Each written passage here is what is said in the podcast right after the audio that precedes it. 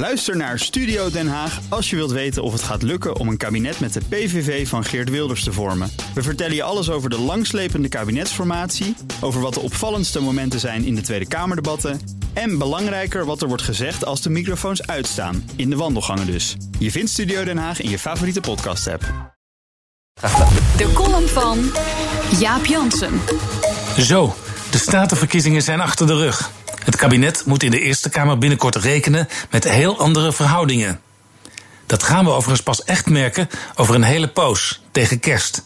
Want de nieuwe Eerste Kamer treedt pas kort voor het zomerreces aan en pas na Prinsjesdag komt ze echt op stoom.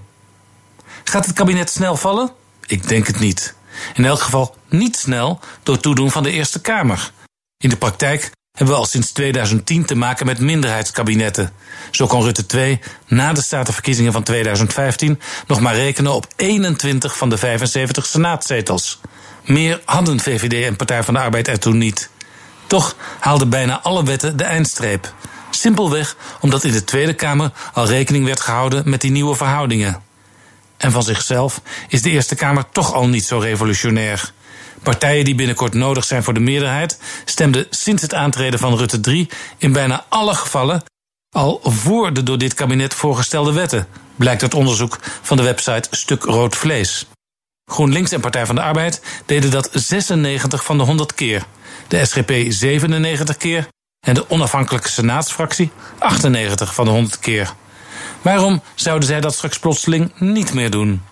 Het wordt trouwens niet in alle opzichten een feest om deel uit te maken van die constructieve oppositie in de Eerste Kamer. Hun partijleiders in de Tweede Kamer zullen veel vaker dan tot nu toe, al dan niet fijntjes, laten weten hoe zij geacht worden te stemmen. Daar gaat hun onafhankelijke positie.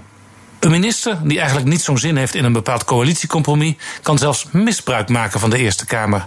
Stel dat CDA-minister Hugo de Jonge uit zichzelf niet zoveel ziet in een compromis over voltooid leven, dat hij mogelijk later in deze kabinetsperiode voor de lieve vrede in de coalitie sluit met D66. Dan doet hij in de Eerste Kamer gewoon iets minder zijn best en gaat het niet door. Zijn achterban zal hem dat niet kwalijk nemen. Het enige verschil met de afgelopen jaren zal zijn dat de Eerste Kamer een heel klein beetje vaker bezoek krijgt van camera, microfoon en schrijfblok.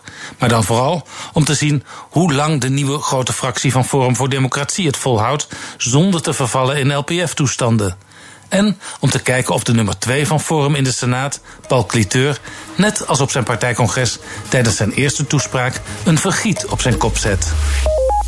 Op bnr.nl en de BNR-app vind je meer columns en podcasts.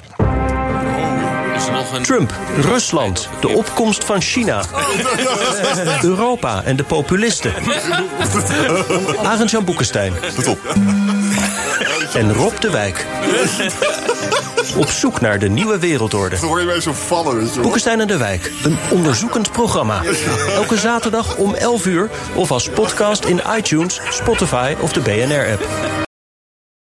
Ook Hugo Reitsma vind je in de BNR-app. Superhandig die BNR-app. Je kunt alle programma's live luisteren, breaking nieuwsmeldingen. Je blijft op de hoogte van het laatste zakelijke nieuws. En je vindt er alle BNR-podcasts, waaronder natuurlijk de belangrijkste, Boekenstein en de Wijk. Download nu de gratis BNR-app en blijf scherp.